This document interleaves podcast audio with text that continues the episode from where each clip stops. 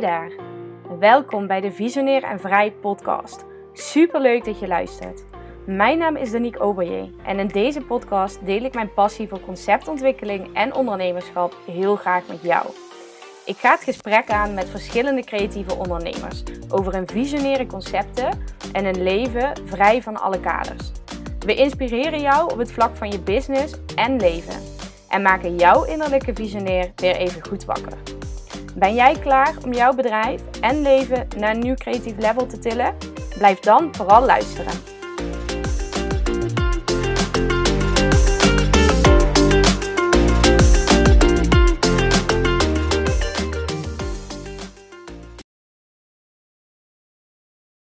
Hey, hallo, hele goede morgen, middag of avond. Super leuk dat je luistert naar een nieuwe aflevering van Visionair en Vrij, de podcast. Um, vandaag heb ik wederom natuurlijk een hele inspirerende onderneemster tegenover mij zitten. Ik ga vandaag namelijk het gesprek aan met Brit Sanders van Bits Media. Brit, super leuk dat je er bent. Welkom allereerst. Dankjewel. Een lekker internationale aflevering weer. Ik zit in Lissabon, jij zit in Valencia. Superleuk. Yes. Kun je wat vertellen over jezelf? Wat doe je precies? Wie ben je? Um, wat is jouw verhaal? Maak het zo uitgebreid uh, of zo beknopt als dat je wil. Ja, ik ben Brit, Brit Sanders. Uh, Trotse Brabander, maar uh, niet altijd in Brabant te vinden inderdaad. Dat jij net al zei, uh, momenteel in Valencia voor een aantal weken om lekker vanuit daar te kunnen werken. En met mijn bedrijf Bits Media help ik ondernemers in de persoonlijke ontwikkeling en gezondheidsbranche online op te vallen. Dus eigenlijk het complete plaatje wat betreft social media en websites. En daarnaast geef ik ook social media trainingen. Um, en ja, ik werk dus met een team. Twee, uh, twee meiden die bij mij werken. Gelukkig, want ik kon het allemaal niet meer alleen en heel fijn om dingen, om dingen samen te doen. En daarnaast ben ik uh, co-founder van de Flamingo Club, waar wij elkaar onder andere ook van kennen. Ondernemersclub voor vrouwen. Dat is uh, waar ik me in ieder geval op zakelijk gebied vooral mee bezighoud. Super tof. Hey, en heb jij altijd al gedroomd ervan om ondernemer te worden? Of is dat iets wat uh, uh, ontstaan is along the way? Nee, ja, ik heb inderdaad niet zo'n verhaal van... hey, ik uh, droomde van klein geval aan om, om ondernemer te worden. Bij mij is het meer een gevalletje, was echt totaal niet mijn plan. um, ik heb me ingeschreven toen ik nog op de, op de opleiding zat. En toen, um, ja, ik had tijd over ik dacht, ik ga vast het werkgebied verkennen. Ik ga vast werken. En toen afstuderen ging het allemaal op een uh, lage pitje. En toen was ik klaar. En toen vroegen verschillende klanten, kun je dat ook niet voor mij doen? Kun je dat ook niet voor mij doen? En ik dacht, ja, ja weet je, ik ga dit nog een jaar doen. En dan zoek ik een echte baan. Want zo zag ik het. Ik was gewoon aan het beetje aan het stuntelen, vreubelen, leuk daarnaast. Maar in mijn ogen was het niet een echte baan. Dus het is tussenstop eigenlijk, min of meer. Zo ja. van, ik doe dit nu en dan zien we wel weer. Ja, dus ik weet ook niet wat ik op dat moment dacht. Want ik doe het dus nu nog steeds. Dus het is best wel een echte baan. um, en toen heb ik dan een jaar verder gedaan. En toen dacht ik, ja, weet je, ik kan eigenlijk gewoon hiermee doorgaan. Dus heb ik mijn naam en alles veranderd. Uh, en toen dacht ik, oké, okay, ik ik, ik zie het wel. Ik ga hiermee door. Van nu hoef ik geen andere echte baan te vinden. Uh, ik ga door. En uh, ja, zo ben ik eigenlijk een beetje along the way doorgegaan met wat ik aan het doen ben. En ook ja, eigenlijk zonder plan, zonder strategie. Eigenlijk wat ik mijn klanten nu natuurlijk allemaal vertel, zeker ja. wel te doen. Ja, ja, ja. Want daardoor hebben dingen natuurlijk ook wel iets langer geduurd. Want hoe lang ben je nu aan het ondernemen? Dat is best wel een Um, tijd. Dus tijdens Ja, je in eh, di- dit jaar november, dus we nemen nu de podcast op 7 juli. Ja, Eh, dit jaar november, eh, zes jaar. Ik heb me ingeschreven op november, in november 2016. Dus ja, een, eh, een bumpy ride, maar wel eentje die ik niet, eh, niet had willen missen. ja. Wat, wat zijn voor jou, eh, zeg maar, wat zijn misschien wel hoge pieken geweest, maar ook wel diepe dalen? Want het bumpy ride stuk, ja, ik denk dat, dat we dat allemaal kennen, slash herkennen. Ik in ieder geval wel. Maar ik vind het ook wel heel interessant van, goh, hoe heeft dat er voor jou uitgezien? Ja, ik denk vooral omdat ik natuurlijk ook zonder plan ben begonnen. En ook totaal niet het idee had waar ik aan begon, maar ja, typeert mij wel. Want eh, als ik ergens aan begin, dan denk ik niet van tevoren na, maar pas als ik daarin zit. Ehm, in de meest, ja, ik heb, dat echt, ik heb daar heel veel voorbeelden van waarin dat, dat naar voren komt. En daar ben ik eigenlijk ook best wel blij mee. Het is niet dat ik in zeven sloten tegelijk loop, maar wel uh, dat ik eigenlijk in eerste instantie alle positieve en leuke eraan zie. En pas als ik er vol in zit, denk ik, oh mijn god, maar Brit, had je niet even na kunnen denken dat daar ook nog andere kanten in zitten. En dat is natuurlijk wat je dan in ondernemen ook ja, voorbij ziet komen. Dus uh, gewoon erin gaan, maar echt ja, denken dat het allemaal wel lukt en makkelijk is. Want bij anderen ziet het er zo mooi uit. En, um, en ook wel dat er in mijn, ja, ik bedoel, zes jaar geleden nu, nu poppen er veel meer ondernemers uit de grond natuurlijk als zes jaar geleden. En überhaupt in mijn branche van social media, ja, zes jaar geleden social media is niet wat, hoe het er nu uitziet, zeg maar. Er, er was nog geen TikTok, er waren nog geen Reels, er waren nog... Ja, dat is natuurlijk gewoon een compleet andere wereld. Dus uh, bumpy ride in uitvinden, hè, je eigen weg daarin vinden, maar ook ja, dat het niet altijd lukt. Of dat je af en toe denkt, ik, ik kap ermee, of ik kan het niet, of ik kan deze verantwoordelijkheden niet aan. Of, uh, nou ja, wat ik net al zei met, dan, met een team, ja, was ook nooit mijn plan. Ik zei altijd, ik ga... Ik blijf voor altijd alleen ondernemen, want dan weet ik, hè, ik weet wat ik aan mezelf heb en ik kan dit alleen. Maar ja, dan kom je op een gegeven moment ook op een punt uit dat, uh, dat je wil groeien en dat je uren zelf op zijn. Ja, ja, ja. Uh, dus ja, ga je dan die ideeën loslaten van ik, zeg, ik ga altijd alleen blijven. Ja, dan moet je toch ook je afwegingen maken van wat wil je nu? Waar wil je naartoe? Wat zijn je doelen? Wat heb ik daarvoor nodig? En uh, ja, daar loop je soms lekker tegen de lamp aan. Maar ja. ik denk ja. dat je juist daar ook van leert. Absoluut. En ik denk ook, hè, zo zie ik hem in ieder geval, dat het ondernemen ook vooral ja, zo'n cirkeltje is eigenlijk van doen, hè, evalueren, kijken wat doet het, bijsturen en gewoon weer opnieuw doen, zeg maar. Dat je eigenlijk constant bent aan het bijsturen en aan het bijschaven. En ik kan me voorstellen dat dat over de afgelopen zes jaar, hè, en zeker inderdaad in jouw branche met social media, dat is natuurlijk helemaal booming uh, gegaan. Ja, dat verandert elke dag bij wijze van iets. Dus laat staan wat er in ja. zes jaar allemaal is gebeurd. Bizar. Ja, en ik, mijn bedrijf heeft ook al drie namen gehad, zeg maar. Drie keer een ander logo, drie keer een andere naam. Ja, dat hoort er ook bij, denk ik. Zeker als je begint zonder plan. Dan maak je gewoon, heb ik een of ander logootje in Photoshop gemaakt. Nou, vond ik na één jaar niet meer mooi. Toen een nieuw ja, logo Canva gemaakt. had je ook nog niet, hè? Nee, en ook, nee, die was ook nog niet eens booming. Alsof het een hele andere tijdperk was. Ja, ja. Ja, en ik was toen gewoon zo van bij mijn eerste, mijn tweede logo, toen ik mijn bedrijf door wilde zetten, dacht ik, ja, ik ga daar geen geld aan uitgeven. Ik kan dat zelf wel. Maar weer een Photoshop zelf gemaakt. Ik had niet eens een logo wat ik voor drukwerk kon gebruiken, zeg maar. Gewoon zo. Ehm, en nu pas vorig jaar, nu een jaar geleden, heb ik mijn nieuw, weer een nieuwe branding gehad. Dat ik echt dacht, oké, ik wil het helemaal anders. Hoe ik ben, wat mijn nieuwe eh, strategieën en doelen zijn. En toen heb ik voor het eerst pas dat ook uitbesteed. Wow. En dan, ja, weet je, dat zijn ook keuzes waar je ook in moet groeien. Want investeren in jezelf en investeren in dingen uitbesteden, ja, dan moet je ook leren en moet je ook een, een, een, drempel over. Ehm, dus ja, en zo vertel ik het veel mensen ook. Of inderdaad mensen die willen starten, of klanten. Weet je, je, je gaat er nooit zijn. Net zoals ik, zes jaar bezig, drie verschillende logo's, drie verschillende namen ja, het is gewoon één groot avontuur, noem ik het. Ja, het is echt een avontuur. Zo zie ik het ook. En soms ook echt als een achtbaan of zo. Waarbij je soms gewoon echt, zeg maar, wanneer je zo omhoog gaat, dan kijk je om je heen en dan krijg je prachtig uitzicht. En dan ga je ineens zo super uh, snel, zeg maar, woep, omlaag. Ja. Uh, met die kriebels in je buik, niet weten. En van, joh, wat gebeurt er eigenlijk allemaal? Ehm, ja, ik herken het heel erg. De rollercoaster, het avontuur. Maar dat maakt het ook wel leuk. Vind ik in ieder geval. Je moet er natuurlijk wel tegen kunnen. Of mee om kunnen. Oh ja, ik denk ook, weet je, als het gaat... Als je het alleen maar doet voor het einddoel, dan ga je het ook niet leuk vinden. Het gaat om heel die... Hè, het hele pad er naartoe. En, en daar moet je van kunnen genieten. En natuurlijk is dat niet altijd leuk.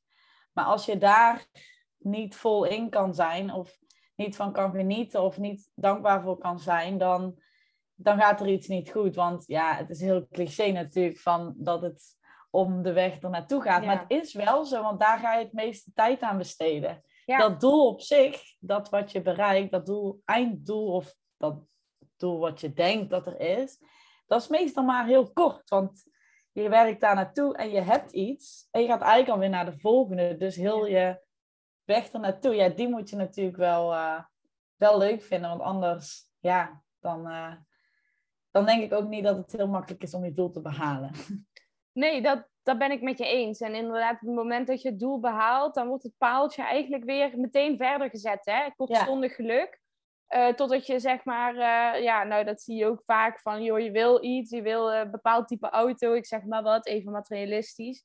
Hè, je hebt uh, dat type auto kunnen aanschaffen en dan komt de buurman die rijdt langs met een net nieuwe type. En dan denk je, oh ja, die moet ik ook hebben. Ja. En dan ga je weer zeg maar door, zonder überhaupt stil te staan bij, goh, hè, wat is eigenlijk de weg hier naartoe geweest? Wat heb ik ervoor gedaan? En ja, ik geloof heel erg ook daarin dat je een bepaald persoon ook hebt te zijn. Hè, je being, je zijn.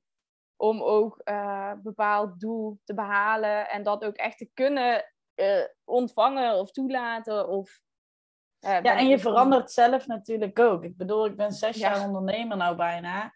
Ja, hallo. Als ik kijk alleen al naar het afgelopen, nou ja, half jaar misschien ja. wel. Of het afgelopen, eigenlijk vanaf corona tot nu, ik denk dat ik een compleet ander persoon ben. Of in ieder geval zo voelt het. Nou, niet ander persoon, nee, dat is echt niet goed. Meer mezelf ben. Dus meer hè, doe wat ik zelf wil doen. Aan mezelf heb gewerkt uh, op heel veel fronten. Dus ook dat, naast dat je bedrijf verandert, dat je, je verandert zelf constant. Dus, um, en ik denk dat ik heel vaak heb gedacht van, ik, ik moet nu bepalen waar ik heen moet. Uh, of ik moet mijn richting weten. Of, eh, maar eigenlijk moest ik zoveel van mezelf dat, oh, let it go, weet je wel. Ga kijken naar wat er nu is, wat je nu wilt doen. En wil jij over een half jaar iets anders? Jij bent ondernemer, jij kan daarvoor kiezen. En uh, ja, die keuze kan je zelf maken. Die ligt ook alleen bij jezelf. Ja, ja om niet zo standvastig vast te houden. En dit heb ik bedacht, dit ga ik doen, dit blijf ik doen. Hè, terwijl ja. het je misschien helemaal geen plezier meer oplevert of niet meer past inderdaad bij de persoon uh, die je geworden bent of waar je in gegroeid bent. Ja. Want als jij kijkt, je zegt van goh, ik ben het afgelopen half jaar, maar misschien ook wel überhaupt sinds COVID, zeg je, hè, ontzettend veel gegroeid en veranderd. Waar, uh, waar zit hem dat vooral in? Of waar merk jij het in? Zeg maar, hoe ben je veranderd? Um, nou ja, net voor corona ben ik, uh, ging ik op reis naar Azië. Uh. Toen wilde ik vijf maanden weggaan en dat is uiteindelijk drieënhalve maand geworden door corona. Want ik moest hals over kop terug omdat alle grenzen dichtgegooid werden.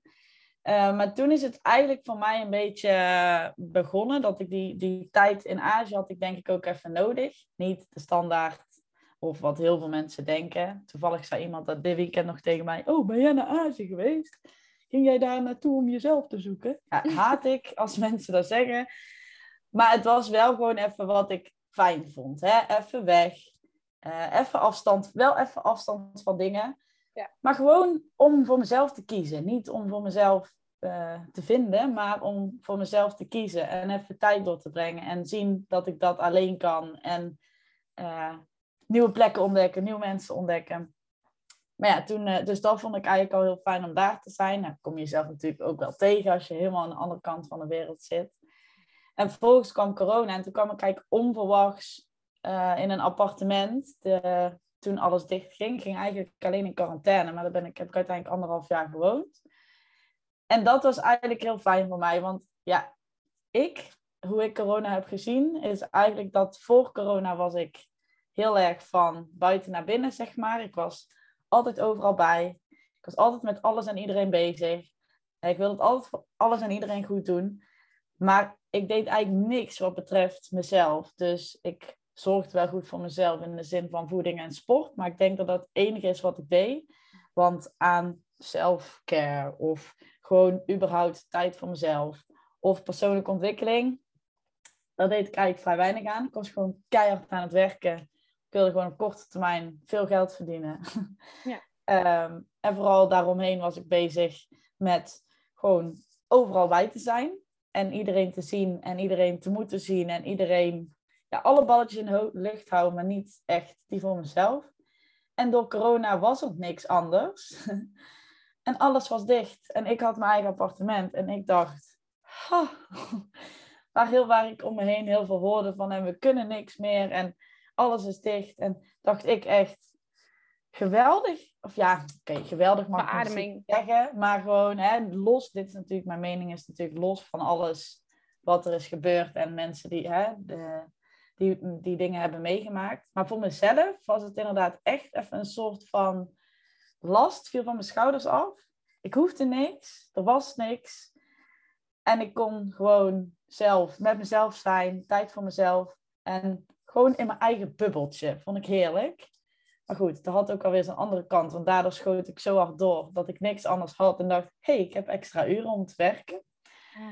Dus ja, toen heb ik weer veel te veel dingen ja gezegd, klanten. Dus het schoot ook weer de andere kant op. Dat op een gegeven moment ook bijna het lichtje gewoon uitging. Dat het, ja, dat toen de wereld weer een beetje open ging en zo. En ik eigenlijk veel te veel ja had gezegd. Dus er zijn eigenlijk in, in, in heel corona en tot nu toe zoveel dingen gebeurd waar ik en veel meer aan persoonlijke ontwikkeling heb gedaan. Dus heel veel dingen zelf ben achtergekomen. En ik denk ook pas mezelf heb leren kennen. Ja. Ehm, maar ook wel... Wat zei je? Wat heb je zo al gedaan in persoonlijke ontwikkeling? Misschien leuk om daar nog iets over te vertellen. Uh, sowieso in het jaar van corona heb ik uh, drie keer de Helweek meegedaan. Oh ja, ik heb hem één keer ehm, gedaan. Ja, nou ja, ik ken hem dus wel, ja. typeert mij ook. Ik doe daar één keer aan mee. Um, ik dacht toen nog, oh, dan kan ik in die week daarvoor heel hard werken. Want volgende week heb ik vrij. Ik zag de helweek van, hè, ik heb van mijn werk afgezegd. Ik dacht, volgende week heb ik vrij. En ja, toen begint die helweek. Elke dag om vijf uur op. Super veel kennis. Super veel confronterende dingen voor mij. Want ik was mis. Begin net met persoonlijke ontwikkeling. Dus het was heel confronterend ook. En heel intens. Uh, heel fijn, maar heel intens, zeg maar. Heel mhm. heftig vond ik het. En ik zat dus al bijna aan het eind van mijn Latijn, doordat ik zoveel aan het werken was. En dan nog even een hele week erbij, zeg maar, die ook intens is. Ja, dus het was echt super intens, maar daardoor heb ik heel veel, wel heel veel geleerd. En ja, zoals ik ben, als ik inzichten krijg, dan denk ik, dit moet ik meer doen. Dus ik heb nog twee keer meegedaan. Ook geen spijt van, maar wel ook dat ik denk, Brit, come on, je mag jezelf ook ruimte geven om even hè, uh, of dingen te laten landen. Of hey, je hoeft niet constant tot, uh, tot gaatje te gaan. Maar goed, ik heb er veel van geleerd en dat is zo gegaan. Ik was natuurlijk uh, op dat moment ook lid van de Flamingo Club. Waar ik dan nu co-founder van ben. Dus dat was natuurlijk ook een stukje persoonlijke ontwikkeling wat ik daar, wat ik daar vond. En verder, ehm, ja, ik denk vooral zelf gewoon geschreven. Podcasts. Ehm, die maar echt met de trainingen en zo is wel vooral de helweken uh, oh, en, en een coachingstraject heb ik ook nog gedaan vorig jaar.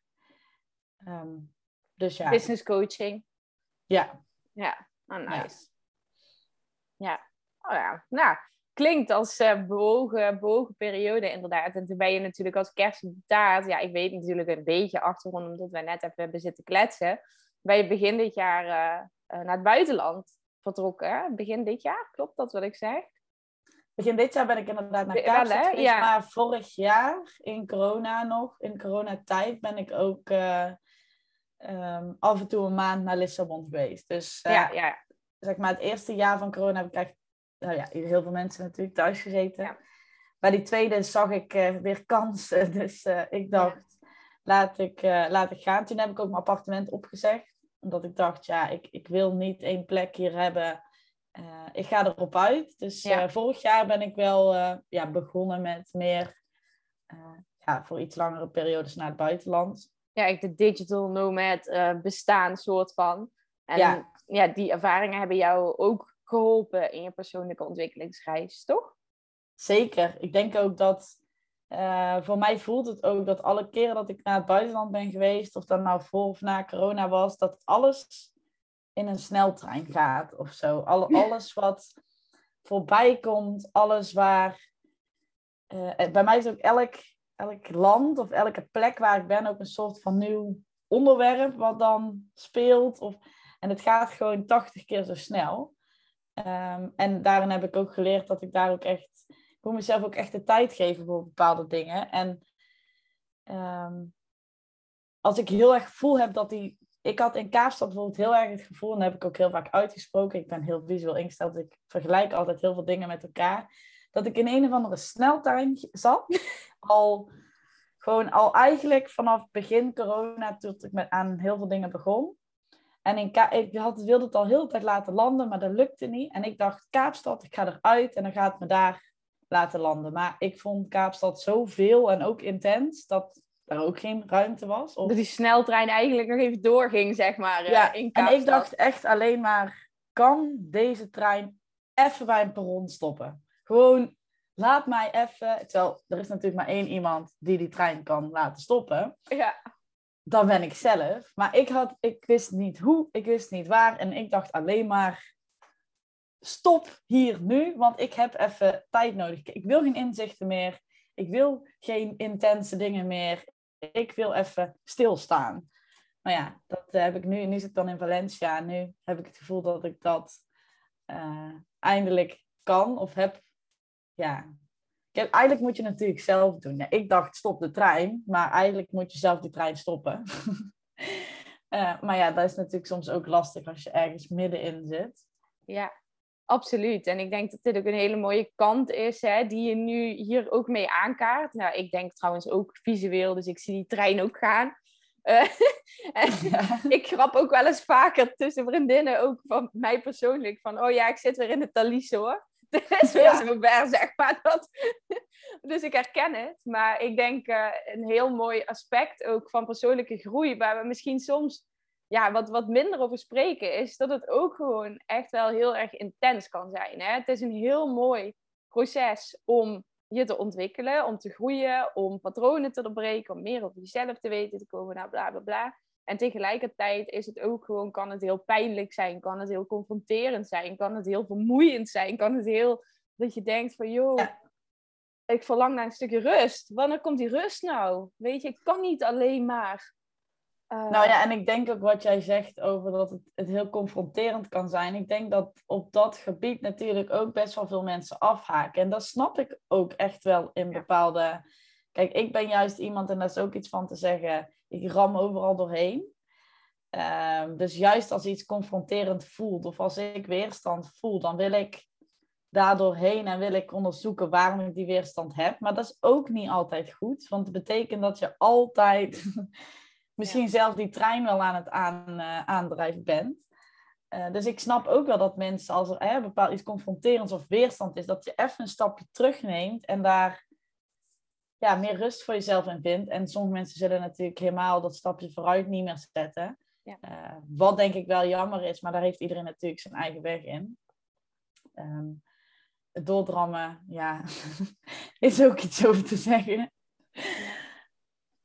Ja, ik denk dat het juist uh, wat heel krachtig daarin is, is juist die balans. Hè? Die ja. balans tussen en het doorgaan, maar ook stil kunnen staan. Uh, zegt de goeroe. Ik eh, ben zelf ook niet zo'n held in stilstaan. En degenen die mijn podcast al langer luisteren, die hebben dat denk ik ook al al door.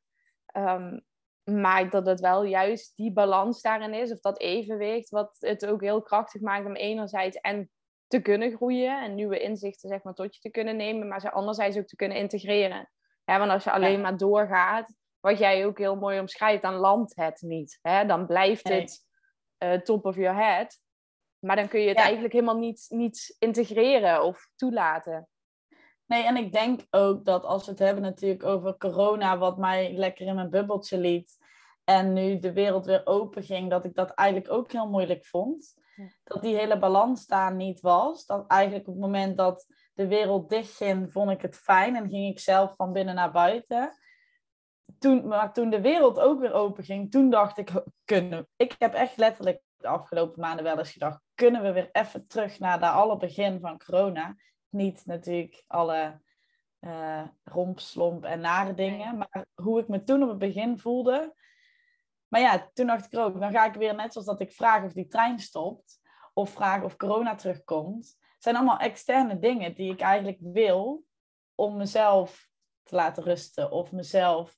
En het ligt helemaal niet extern, want ik ben degene die uh, of de rust moet pakken of dingen moet aanpassen. En dat is ook wel echt een groot inzicht van, van heel de periode. Dat, dat ik het heel vaak zocht in externe dingen. Of inderdaad ook naar het buitenland gaan om de rust op te zoeken. Of, en het is natuurlijk fijn dat dingen je helpen. Maar uiteindelijk moet dat niet de, ja. het middel zijn. Uiteindelijk moet dat gewoon ondersteunend zijn voor wat je wil doen.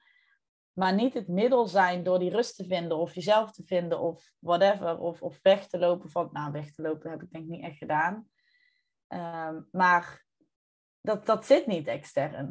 Nee, nee, eens. Ja, mooi. Ik uh, heb uh, een ja, een paar jaar geleden, inmiddels, jezus, tijd vliegt, heb ik een uh, verkorte cursus NLP gedaan. En daar werd de metafoor werd gebruikt, hè, van je hebt een bus, zeg maar, en zie die bus, zeg maar, als metafoor voor jouw leven.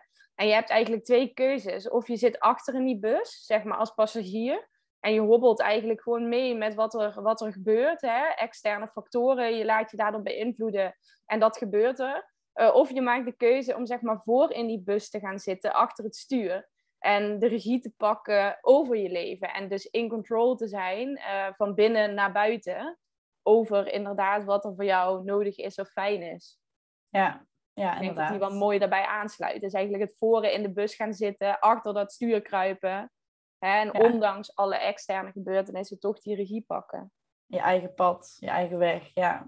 Ja, maar ja, ik herken hem. Ik heb het zelf ook ervaren hoor. Toen uh, COVID kwam en in eerste instantie zeg maar de uh, agenda wat leger was. Ik had toen dat tijdelijk best wel een heel druk sociaal leven. Hè? Relatie, huis, een partner die uh, erg fanatiek in het verenigingsleven ook zat. Niks aan nadelen daarvan of zo, helemaal niet. Maar dat voelde voor mij wel vaak als heel veel en druk als ik moet ergens bij zijn. Ik moet ergens naartoe. Er wordt dit van mij verwacht. En ja. toen kwam corona en toen dacht ik... Oh, ik kan gewoon een zondag zeg maar op de bank liggen en ik hoef niks. Ik hoef nergens naartoe. Ik word nergens verwacht. Wat een ja. verademing. Maar dat is denk ik ook een stukje extern, intern. Als in ja. wat je natuurlijk jezelf oplegt. En welke verwachting je... je ik vulde heel erg in wat andere mensen van mij verwachten. Of ik wel of niet ergens bij was. Of, hè? Terwijl in één keer toen alles dicht was, had ik een soort van gevoel... Ik hoef nergens bij te zijn. En ik kan zelfs afzeggen in de zin Ja. van... Ik vind het niet chill om met zoveel mensen te zijn in verband met corona, bijvoorbeeld. Ja, heel eerlijk, ik heb dat wel eens gebruikt, omdat ik gewoon puur dacht, laat mij maar even. En toch Ja. dan op dat moment niet te zeggen, laat mij maar even, want ik, ik, ik vind het goed zo. Ja. Nee, dan gebruikte ik alsnog de sc- excuus van, oh, ik ben niet zo fit, dus ik blijf vanavond thuis in verband met corona. Ja, en daar achteraf denk ik daar ook over. Weet je wel, waarom? Waarom kan je niet gewoon zeggen, ik heb tijd voor mezelf nodig. Ik ben er vanavond niet bij. Ja. ja. Of niet dat, je, hè, dat, dat verwachtingen van anderen niet waargemaakt worden. Of überhaupt aannames in je hoofd. Allemaal extern natuurlijk. Hmm. Ja, ik denk dat dat deels natuurlijk ook wel een beetje een co- een collectief of een collectief eh, topic is. Hè? Omdat het ook, eh, denk ik, zoals ik het ervaar, in ieder geval ook wel heel erg in de Nederlandse cultuur ingebakken zit. Hè? Dat iedereen alsmaar druk is. En dat er verwacht wordt dat je bij bepaalde dingen bent. En ja, dat eigenlijk, eh, ik denk dat een stukje kwetsbaarheid en zachtheid eigenlijk eh, nodig zou zijn om eh, ja, van ik heb tijd voor mezelf nodig om daar ook iets normaals zeg maar, van te kunnen maken. Dat, i- voor mijn gevoel is dat nog niet helemaal sociaal geaccepteerd of zo. Van wat je hebt tijd voor jezelf nodig. Je bent toch, eh, hoe oud ben je? Nou, in de twintig, weet je, er is toch niks mis met je? Eh, en dan wordt er eigenlijk Ja, op die eh, manier op, ja, Ja. Ja, of dat je bijvoorbeeld heel de week nog niks hebt gedaan, alleen hebt gewerkt en geen sociaal leven hebt gehad. En dat je dan ook in het weekend misschien een keer niet iets wil doen. Ja, dat kan. Dat kan, heel de week. Dat je heel Ja. de week nog niks sociaals hebt gedaan. Dat je ook in het weekend inderdaad misschien, eh, Ja, misschien iets wil doen. Maar misschien merk jij dat ook wel in wat ik dan weer heb gehad, ook met het buitenland. Omdat je daar natuurlijk weinig mensen kent. En wat betreft sociale dingen, of waar je vindt dat je bij aanwezig moet zijn. De agenda in Nederland, echt. Ja, als, ik met, als je met iemand af wil spreken, moet je soms gewoon maanden van tevoren iets plannen. Ja, Ja. ik hou daar niet van. Want ik vind het fijn om in een weekend te kunnen bekijken. hey, wie gaat er vanavond mee daar naartoe? Of wie wil er morgen dit doen? En tuurlijk wil ik af en toe wel iets plannen. Maar ik vind het heerlijk dat ik in het buitenland mijn weekend begint. dat ik nog letterlijk niet weet wat er op mijn pad gaat komen. Ja. Um, omdat geeft mij ook rust. Gewoon rust dat ik alles kan doen wat ik zelf wil doen. Uh, dat geeft natuurlijk ook superveel vrijheid in hoe je voelt, hoe je het weekend in gaat delen. Uh, ja. En ik weet dat ik volgende week vrijdag weer terug naar Nederland ga. En ik weet, die agenda, dat is gewoon Nederland of zo. Die, kijk, Portugal, waar jij nu ook zit, waar ik vorig jaar ook veel ben geweest. Daar zit die agenda allemaal niet zo vol. En hier in Spanje, allemaal veel meer go with the flow. Ik denk dat de mentaliteit ook anders is wat dat betreft. Hè? En dat het maakt dat in Nederland uh, ja, het collectief eigenlijk op die manier te werk gaat. Ondanks dat heel veel mensen daar helemaal niet relaxed onder zijn. Maakt dat het ook heel moeilijk is om te zeggen van ik doe er niet aan mee. Hè? Ja. Dan, dat is gewoon heel moeilijk omdat je dan niet in uh, het ritme of zo meer past. En ik ervaar dat ook wat jij zegt in Portugal. Maar ik heb ook langere tijd in Spanje gezeten. Uh, sowieso Zuid-Europa heb ik het idee dat dat Ja. uh, veel minder is. Dat mensen veel meer in het moment leven. En kijken van, goh, hè, wat uh, heb ik vandaag nodig? Of wat is vandaag voor mij fijn? En Ja. oh, ik heb zin om een koffietje te doen. Nou, oké, dan app ik die vriend of vriendin even als ik daar behoefte aan heb. En uh, dan, dat uh, ik dan gaan we samen zeg maar een fijn. koffietje doen. Want Ja. de rest gaat ook op die manier zeg maar, met zijn agenda om. Ja, dan kan het ook. Want als jij, daar heb ik dus heel erg, elke keer als ik terug in Nederland kom, dan denk ik, ga dat gevoel, ik ga dat gevoel vasthouden. Ja. Maar dat kan niet, want niemand kan. Moeilijk, niemand hè? kan spontaan. Of bijna niemand natuurlijk. Er is altijd wel iemand misschien. Maar bijna niemand kan als je zegt van, wie wil er vanavond iets mee doen? En dan ga je zelf ook automatisch weer heel snel mee in, eh, Ja. In die volle agenda. Ja, ja, het is heel verleidelijk. Ja, Ja. ja, ik herken het zeker. En ik zou willen dat ik zou kunnen zeggen van... Goh, met deze tip, zeg maar. eh, dan kun je eh, ja, je agenda, weet ik veel, eh, beter in controle houden. Ik denk dat het daarin heel belangrijk is om jezelf allereerst heel goed te kennen. Hè? Ja. En, eh, ehm, en je agenda durven te nemen. Gewoon, je, gewoon, Ook. je, bent, Ja. je bent zelf baas over eigen agenda. En ik denk ook, wat ik net al zei over vrijheid in weekend. Gewoon vrijheid aan zich is natuurlijk... Is voor mij gewoon doen wat ik kan Ja. doen. Maar wel eh, eigenlijk gewoon het allerbelangrijkste. want dat had ik toevallig ook gisteren opgeschreven. Wat ik, wat ik kwijt ben geraakt op een gegeven moment is dat de dag mij had. In plaats van Ja. dat ik de dag had. En ehm, dat vind ik denk ik het gevoel van vrijheid. En dan maakt het nog niet eens zoveel uit waar ik ben, wat ik doe. Tuurlijk is een zonnige bestemming fijn. Of een, hè, er zijn natuurlijk altijd fijne eh, bijkomstigheden. Maar gewoon dat ik zelf die dag kan bepalen. En dat kan in Nederland zijn, dat kan in, buiten, of Ja. in het buitenland zijn. Maar dat ik gewoon in charge ben in, van mijn agenda, mijn tijd. En ik denk, en dat zullen waarschijnlijk veel ondernemers ook wel herkennen, dat iedereen een periode heeft waar, waarin je dat niet meer hebt. Je, je wordt gewoon geleefd door je agenda. Je wordt geleefd door de dingen waar je ja op hebt gezegd. Eh, je loopt achter de feiten aan. Elke dag maak je to-do-lijstjes en die komen niet af. In ieder geval, dat heb ik een hele lange periode gehad. Mhm. En nu heb ik eindelijk het gevoel dat ik gewoon in charge ben. Ik kan mijn dag indelen. Nu nog kijken hoe ik dat in Nederland volgehouden. Mhm. Maar in ieder geval als stap 1 om te zien dat het kan. En hoe Want- je het zelf voor elkaar krijgt. Hoe ben jij van eigenlijk geleefd worden door je agenda eh, kunnen gaan naar die regie wel weer eh, terugpakken of hebben, zeg maar, over je agenda? Kun je daar de vinger op leggen? Eh, ja, maar ben ik niet het meest trots op, denk ik. Want ik denk als ik kijk naar de afgelopen.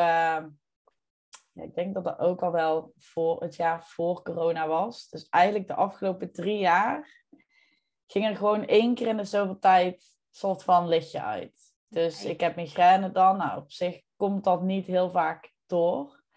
Ehm, maar dan krijg ik migraineaanval. Of eh, ik zei ook heel vaak tegen mensen van ja, het is gewoon één keer in een paar maanden. Dan moet ik gewoon drie dagen slapen en dan is het goed. Ja, dat is natuurlijk niet de meest Nee. eh, gezonde manier. Want ik vond dat, ja, ik ramde daar eigenlijk gewoon in door. En ik sliep dan oprecht gewoon een lange periode, of ja, gewoon een aantal dagen of, of lange nachten of whatever. Ik deed niks. Gewoon een soort van lichtje ging even uit, omdat ik gewoon merkte, oké, het is op. Nou, even een paar dagen opladen en dan ging ik weer door. En dan een paar maanden later was dat weer zo. Hmm. Ehm, tot tot ik het eigenlijk, denk ik, mentaal ook niet meer aankon. In de zin van, het is niet gezond natuurlijk, dat één keer in de zoveel tijd even het lichtje uitgaat. En uh, daarin heeft me dan wel geholpen dat ik ook op een gegeven moment naar het buitenland en zo ging. Alleen daar komt ook heel veel bij kijken. Ja, waar wij het ook al over hebben gehad. Over het verhuizen, nieuwe plekken. En ik dacht over heel veel dingen denk ik ook heel erg licht. En dat kan ik wel en dat ram ik doorheen. En persoonlijke ontwikkeling in die zin ook onderschat. Omdat natuurlijk, ja, waar we het net al over hadden, is soms ook heel intens. Ja. Dus ik ging gewoon altijd maar door, door, door. En ik negeerde het feit dat mijn lichaam gewoon al heel vaak heeft gezegd... we kunnen niet verder dan dit.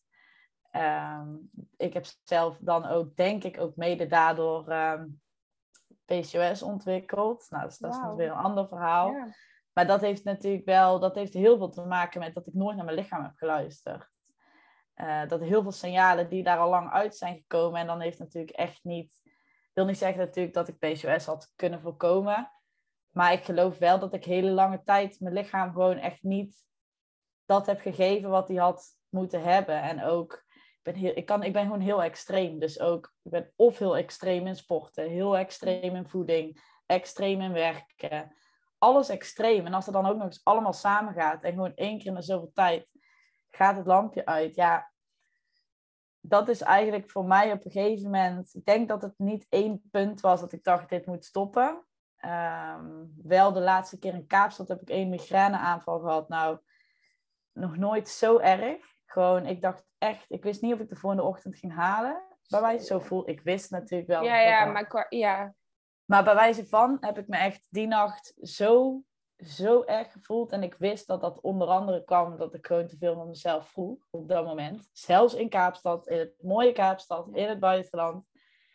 Ehm, en ik denk dat ik het gaandeweg al door had dat ik het beter voor mezelf moest zorgen. En dat ik meer gebruik moest maken van mijn ondernemersleven en mijn baas over eigen agenda. Maar dat toen een beetje het laatste druppeltje was van dit, dit wil ik nooit meer. Ik wil niet dat mijn lichaam aangeeft dat ik het niet aan kan. Uh, ene kant omdat dat ook gewoon voelde, ja, niet als falen, maar wel, hier laat ik echt een steekje vallen. Ja. En ik denk al die dingen bij elkaar opgeteld van de afgelopen, nou ja, wat zal het zijn, drie, vier jaar waarin ik me wel gewoon ook goed heb gevoeld. Hè? Niet dat ik periodes aan een stuk moe was en zo. Maar te hard er doorheen. Dus alles bij elkaar heeft me gewoon doen beseffen van... Brit, de enige die de regie kan nemen over jouw eigen agenda ben jezelf. Maar die moet je wel pakken. Want als jij hem niet pakt en als jij alles laat beïnvloeden... dan, dan zijn er genoeg dingen die wel de regie over jou nemen. En dan, dan kom je elke keer weer bij hetzelfde uit. Ja, ja, ja ik denk uh, voor veel luisteraars en voor mij persoonlijk ook herkenbaar. Hè? Nogmaals, die talies, het doorgaan, het knallen en daarin soms ook gewoon uh, ja, negeren eigenlijk welke signalen je krijgt hè? Ja. en wat je lichaam je vertelt. Um, als jij nu kijkt naar hoe je het ondernemerschap zeg maar, nu aanpakt en jouw agenda nu uh, zeg maar de regie daarover hebt. Ik kan me voorstellen dat er ook momenten zijn dat je door weet ik wat weer in die oude neiging wil schieten. Van het doorrammen, van het doorgaan. Uh, en ik denk dat dat voor veel mensen die luisteren herkenbaar is. Heb jij daar een, een tip in, een handvat of iets wat jij op dat moment doet om jezelf eigenlijk weer even terug te kunnen, te kunnen fluiten? Nou ja, ik ben al sowieso bij mezelf achtergekomen dat mijn planning is altijd te strak. Altijd te strak geweest. Um, ik zet bijvoorbeeld altijd, er is dus zo'n tip van zet al je taken in je agenda. Zet daar ook bij hoe lang het duurt. Ja, ik heb gewoon een periode lang ehm, taken in mijn agenda gezet als to-do-lijstjes. Dus als zo klein, weet je wel. Ja, podcastluisteraars zien nu natuurlijk niet wat ik uitbeeld. Maar gewoon nee, zo'n, ja. dunste regeltje uh, taak. En die zet ik dan gewoon helemaal vol. Tot, ja, en, en je weet, je denk, ik denk achteraf nu, wat dacht ik? Weet je, wat dacht ik in mijn agenda te zetten als een lijstje? Terwijl het paste zeg maar in dunne taken niet eens op één dag. Laat staan dat elke taak ook nog minstens een uur duurt. Of dat je misschien nog een keer ergens moet lunchen. Of... Ja. Dus voor mij helpt het nu heel erg om realistische planningen te maken. Dus als ik nu weet, oké, ik moet, ik zeg ja tegen een project, dan kan ik echt exact in mijn agenda zien wanneer ik daar tijd voor heb. Alle blokken die vast wekelijks terugkomen, staan erin. Uh, ik werk op woensdag bijvoorbeeld bij een opdrachtgever, daar staat er vast in. Ehm, maar ook echt als ik dus een datum moet geven van dan kan ik het af hebben, zet ik meteen een ander blok erin van dan ga ik eraan werken. Dus als dan klant A heb ik ja tegen gezegd en klant B komt daarna aan van kun je dit voor mij doen, dan kan ik echt letterlijk in mijn agenda zien, hey, die hele week zit vol. Uh, dat gaat niet, dus ik kan dat pas week, weet ik, weet ik het, een paar weken later opleveren. Dus dat helpt voor mij nu heel erg dat zelfs al wil ik doordrammen, die agenda zit op een gegeven moment vol. En dan kan ik er ook gewoon niks meer bij zetten. En tuurlijk val je weer af en toe terug in ja. oude dingen. En ga ik in één keer dingen doen die helemaal niet de planning waren, die niet in mijn agenda stonden.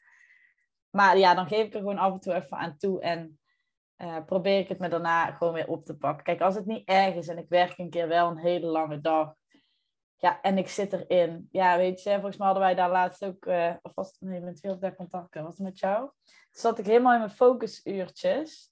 Toen was het uh, in één keer um, ja, half twaalf. En ik dacht echt, ik kan ja. heel de nacht door. Ja, ja. Dat had ik dan misschien normaal wel gedaan. En nu dacht ik, nee Brit, je stopt er nu mee. Morgen weer een nieuwe dag. Want als jij nu door gaat werken, dan ben je morgen ook niks waard. En dat was dan even jammer. Want dan zit je er helemaal in. Ja. Maar dan moet je gewoon een goede grens voor jezelf trekken. En ook vast nadenken, hoe ga ik me morgen voelen als ik nu doorga? Ja, ja het, ik, blijft lastig. Ja, herkenbaar. Ik kan ook af en toe echt in zo'n flow zitten. Dat ik het idee heb van uh, alsof je zo'n hamster zeg maar, in zo'n rad duwt.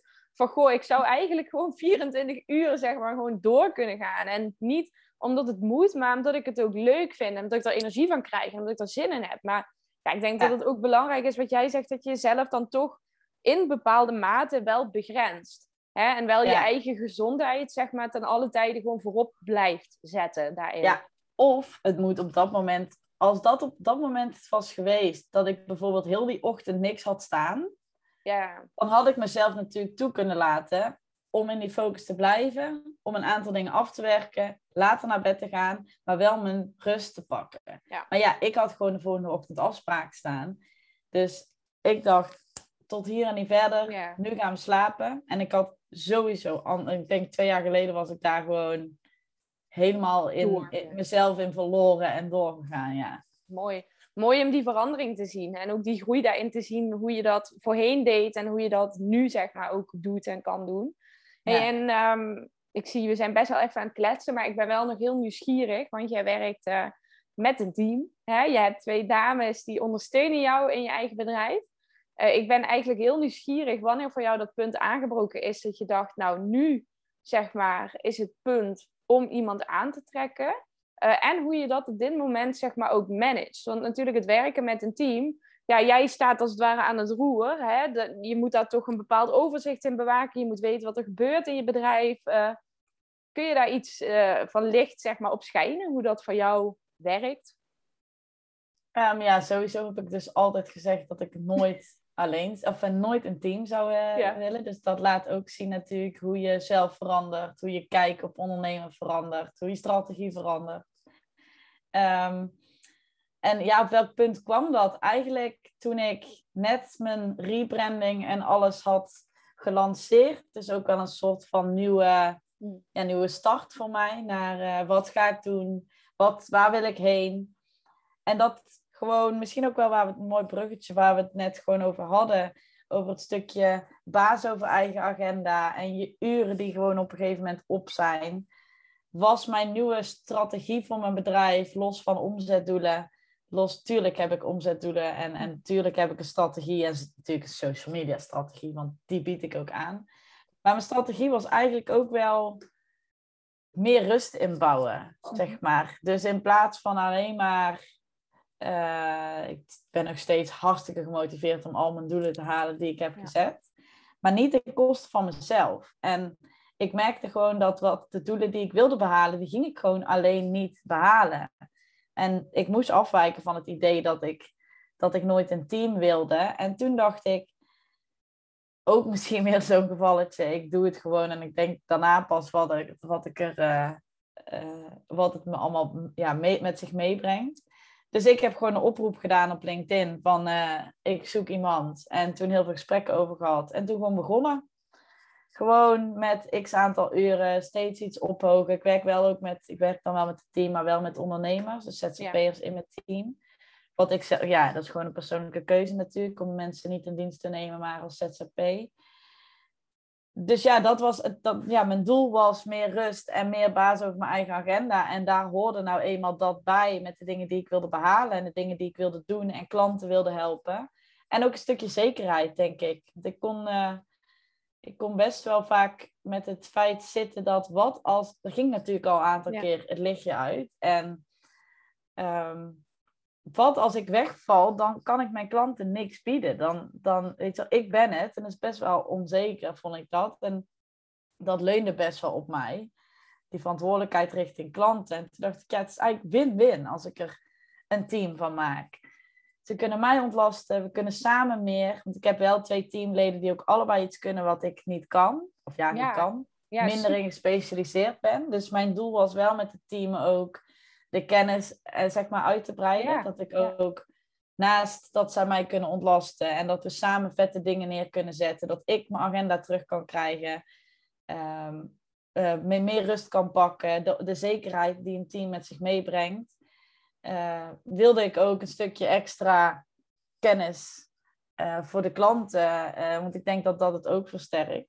Maar goed, dat zijn natuurlijk alle leuke dingen. Ja. Ehm, maar natuurlijk, dan, dan had ik iemand aangenomen en dan neem ik nieuwe klanten aan. En toen dacht ik weer, wat als zij stopt? Weet je wel, krijg je die, die gedachten weer. Van ja, nou, dan zet je dus in met je personeel op groei. Ja. ja. Maar wat als dan een van hun stopt? Um, dus ja, je moet wel denk ik altijd een soort van plan B hebben. Of mhm. jezelf op een bepaalde manier indekken dat... Uh, ja, dat dat dan wel natuurlijk te behalen is. En niet dat je alsnog dan uh, alles zelf moet gaan doen. Maar toen dacht ik op een gegeven moment van ja, Brit, dan vertrouw maar op dat daar iemand nieuws voor in de plaats kan komen. En, en daar acteer je dan op dat moment wel uh, op. Maar tot nu toe ben ik er heel blij mee. En je moet wel een beetje een feeling krijgen natuurlijk met het managen. Ja.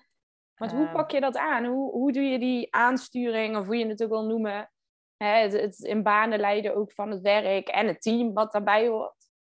Ja, daar heb ik wel echt mijn weg in moeten vinden. Want ik merkte ook toen ik net iemand had aangenomen, kwamen, ik denk bij de eerste of tweede overleg er al achter van, ja, alles is zo duidelijk in mijn hoofd. Maar het staat nergens, weet je wel. Als je alleen bent, hoef je niet alles zo weg te zetten of te organiseren dat iemand anders het begrijpt. Want niemand anders hoeft het te begrijpen. Ja. Maar ja, toen ging ik met iemand werken en die moest natuurlijk eigenlijk wel een soort van in mijn hoofd kunnen kruipen. Dus er moest echt de dingen uitgeschreven worden en georganiseerd worden. Dus um, ja, zelf gebruiken we daar, uh, zelf gebruik ik Trello met mijn team. Ja. Om daar, uh, die gebruik ik ook met klanten, met aanleveren van content en alles. Dus ik heb daar wel echt mijn weg in moeten vinden. Maar ja, ik denk dat is ook gewoon zoiets waar je uh, ja, ik, die uh, eerste meisje wat bij mij werkt nu, die heeft, die heeft het ook doorgehad. Want we switchten de eerste drie keer van ander, van ander dashboard en platform. En, maar ja, daar ga je ook gaandeweg gewoon samen mee. En ik zei vooral ook tegen haar, laat, laat mij weten wat jij nodig hebt, wat jij mist, wat je niet snapt. En dan kunnen we samen bouwen aan... Want ik geloof nog steeds, weet je, dat er werken dan twee meiden bij mij, maar eigenlijk voelt het niet eens als werken bij mij. Die, Daar werk ik mee. Dat geen... Uh, hè, we werken samen aan iets en, en iedereen moet daar uh, zijn, zijn aandeel in hebben. En ik wil ook dat hun mij soort van terug kunnen roepen. Van, hey Brit, ik zou het zo doen. Of, hey Brit, ik wil... Ik heb een veel beter idee als wat jij hebt bedacht. Want ik denk dat dat uh, ook met wat betreft managen dan heel fijn werkt. Absoluut. Ik denk dat dat zelfs cruciaal is. Hè? Om in die zin een dusdanig veilige omgeving te creëren. Hè? En een veilige omgeving stelt natuurlijk mensen, teamleden, maar ook jezelf in staat om ook te kunnen groeien. Hè? Want voor groei is een stukje veiligheid nodig. Anders durf je jouw ideeën niet op tafel te leggen. Dan durf je niet aan te kaarten van hé, hey, ik zou het zo doen. Of ik zou, heb je hier al aan gedacht. Ja, dus ja en daar, wil ik wel, daar hamer ik wel inderdaad echt heel erg op. Want ik vind nog steeds dat we het samen doen. En dat iedereen zich daar goed bij moet voelen. En tuurlijk manage ik het, want ik ben uiteindelijk ook de eindverantwoordelijke. En daar heb ik ook mijn weg in moeten vinden, maar gaat nu supergoed. En ik vind het ook superleuk. Maar iedereen mag nog net zoveel aandeel daarin geven, los van dat ik de eindverantwoordelijke ben. Precies. Ja, je werkt eigenlijk, uh, en dat vind ik ook het mooie aan dit soort constructies, zeg maar ook als ondernemer en ook hoe ik met mijn eigen team samenwerk, is dat je niet uh, vanuit loondienst, zeg maar, werkgever, werknemer, ja, mensen kunnen niet zien wat ik uitbeeld met mijn handen, maar zeg maar dat je de een die staat hoger en de ander komt er eigenlijk onder. Maar dat je in dit soort constructies eigenlijk zeg maar shift naar gelijk niveau. Hè? Ja. Dat je eigenlijk naast elkaar staat. Dus je werkt echt samen, je helpt elkaar groeien, je gaat samen projecten aan. En natuurlijk moet er iemand eindverantwoordelijk zijn. Dat is ook belangrijk om ook dingen te kunnen managen, maar wel vanuit die uh, gelijkwaardige energie of zo. Ja, en iedereen heeft zijn eigen kracht. Dus ja. weet je, ik bedenk weer andere dingen als iemand anders. En ik wil ook juist gebruik maken van ieders kracht, omdat ik denk dat we daar allemaal van elkaar kunnen leren. Ook al is dan iemand anders de eindverantwoordelijke. Ja. Uh, is juist mooi om daar van elkaar, ja, elkaar te versterken. Absoluut, ja. En ik denk dat dat heel krachtig is om dat ook te erkennen. En ik, uh, volgens mij heb ik het ook in een vorige podcast benoemd, hè. Van ook dat stukje het persoonlijk leiderschap daarin. Ook durven erkennen dat je niet alles hoeft te weten. Dat je niet alles hoeft te kunnen. Maar juist voor de dingen die je of minder leuk vindt, of waar gewoon minder jouw expertise ligt, daar inderdaad de mensen voor aan te trekken. Eh, die dat wel super leuk vinden en die daar goed in zijn. En op die manier. Ja. Maar ik denk dat het sowieso wel onderliggend dan ook allemaal, ik denk alles wat we hebben besproken hier vandaag, gewoon onderliggend is aan je zelfvertrouwen en je zelfbeeld. En dat klinkt heel cliché, misschien. In ieder geval, dat klonk voor mij ook altijd heel cliché. En ik dacht altijd, ik was nooit super zeker, ook al lijk ik dat altijd, heb ik dat altijd geleken. In ieder geval, dat heb ik altijd heel vaak teruggekregen. Achter de schermen was dat echt verre van. En ik denk dat ik pas kan, nou ja, misschien zelfs wel gewoon van de afgelopen maanden, pas kan zeggen van, hé, hey, ik geloof erin. Weet je wel, ik geloof in mezelf, ik vertrouw op mezelf. Uh, ik weet wat ik kan, ik weet wat ik te bieden heb. Um, en ik denk dat onderliggend aan alles wat we doen in ondernemen. En ja, ik vind het echt een cliché, maar echt super waar.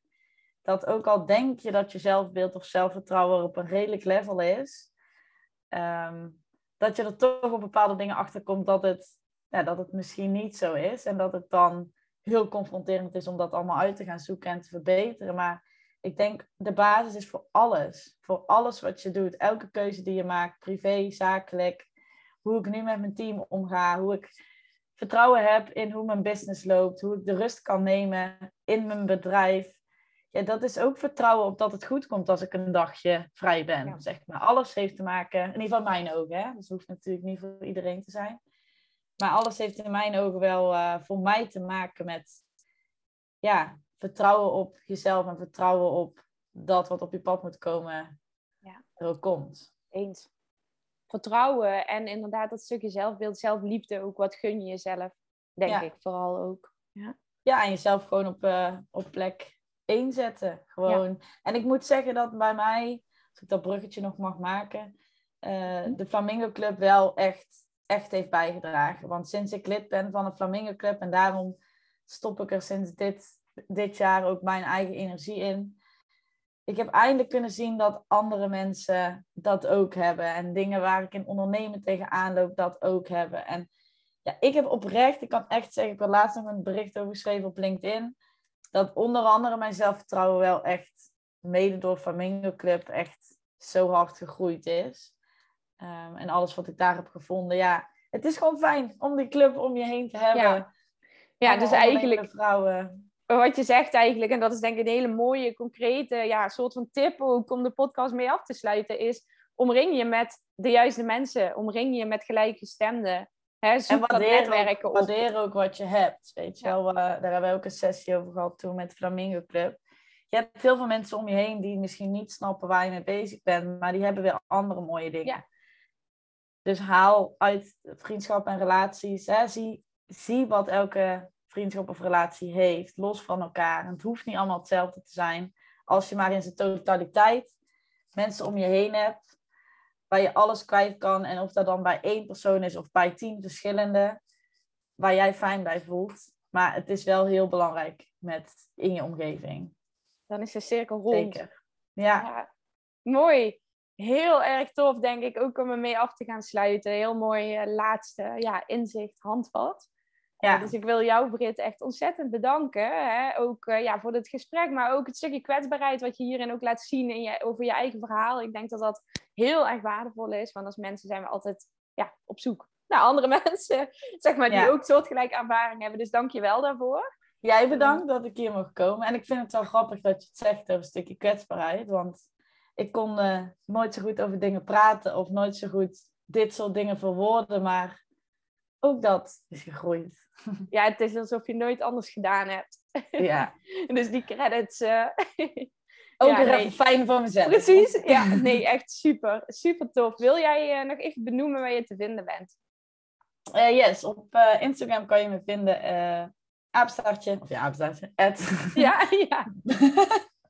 brit.bitsmedia. En op LinkedIn gewoon op Brit Sanders. Dat is eigenlijk waar ik voornamelijk te vinden ben en waar, eh, waar je contact kan zoeken. Top. En Ik vind het altijd leuk om eh, te connecten. Eh www.bits.media. En waar ik dan heel vaak te horen krijg, moet daar nog .nl achter? Nee, Brit, of nee, www.bits.media. Gewoon die .nl is verleden tijd. Oh, wat grappig. Dat wist ik ook niet. Ja, Nou, ik zal sowieso zorgen dat dit in de show notes komt en een linkje. Dus dat mensen ook eenvoudig gewoon lekker kunnen doorklikken. En eh, ja, zoals ik eigenlijk bij elke aflevering ook zeg, hè, van eh, mocht jij als luisteraar nou eh, een bepaald inzicht hebben of je wil ergens even over sparren, een vraag, weet ik veel, hè, voel je vrij om contact op te nemen met, eh met Brit of met mij. En dan ja, willen wij jou ontzettend bedanken voor het luisteren en tot de volgende weer. yes. Doei doei!